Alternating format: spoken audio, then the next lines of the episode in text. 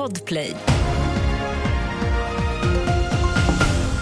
Vi börjar med uppgifter som kom för en stund sedan om att Hamas föreslår en plan för hur kriget med Israel kan avslutas, det rapporterar Reuters.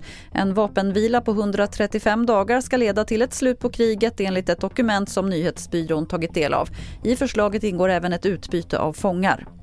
Det blir allt vanligare att polisen skjuter vådaskott, rapporterar SR. Antalet skott som avlossats av misstag var 23 stycken under förra året jämfört med 16 året innan. Ett av de allvarligaste var i polisreceptionen i Gällivare i våras när en polisanställd råkade avlossa ett inlämnat hagelgevär in i en vägg.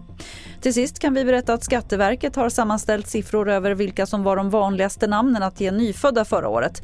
Noah är i namntoppen för pojkar och på tjejsidan verkar frosteffekten hålla i sig. Där är det Elsa som ligger i topp. Samtidigt märks också en ny trend av.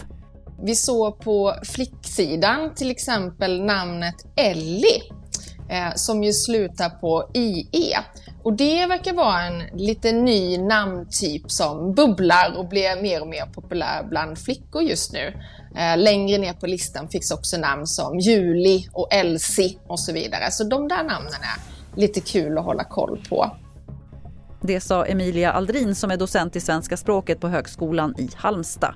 Och fler nyheter det finns på tv4.se. Jag heter Lotta Wall.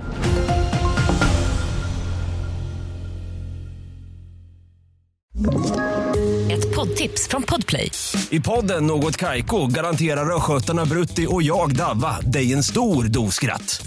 Där följer jag pladask för köttätandet igen. Man är lite som en jävla vampyr. Man har fått lite blodsmak och då måste man ha mer. Udda spaningar, fängslande anekdoter och en och annan arg rant. Jag måste ha mitt kaffe på morgonen för annars är jag ingen trevlig människa. Då är du ingen trevlig människa, punkt. Något Kaiko, hör du på Podplay. Därför arkadeinerna.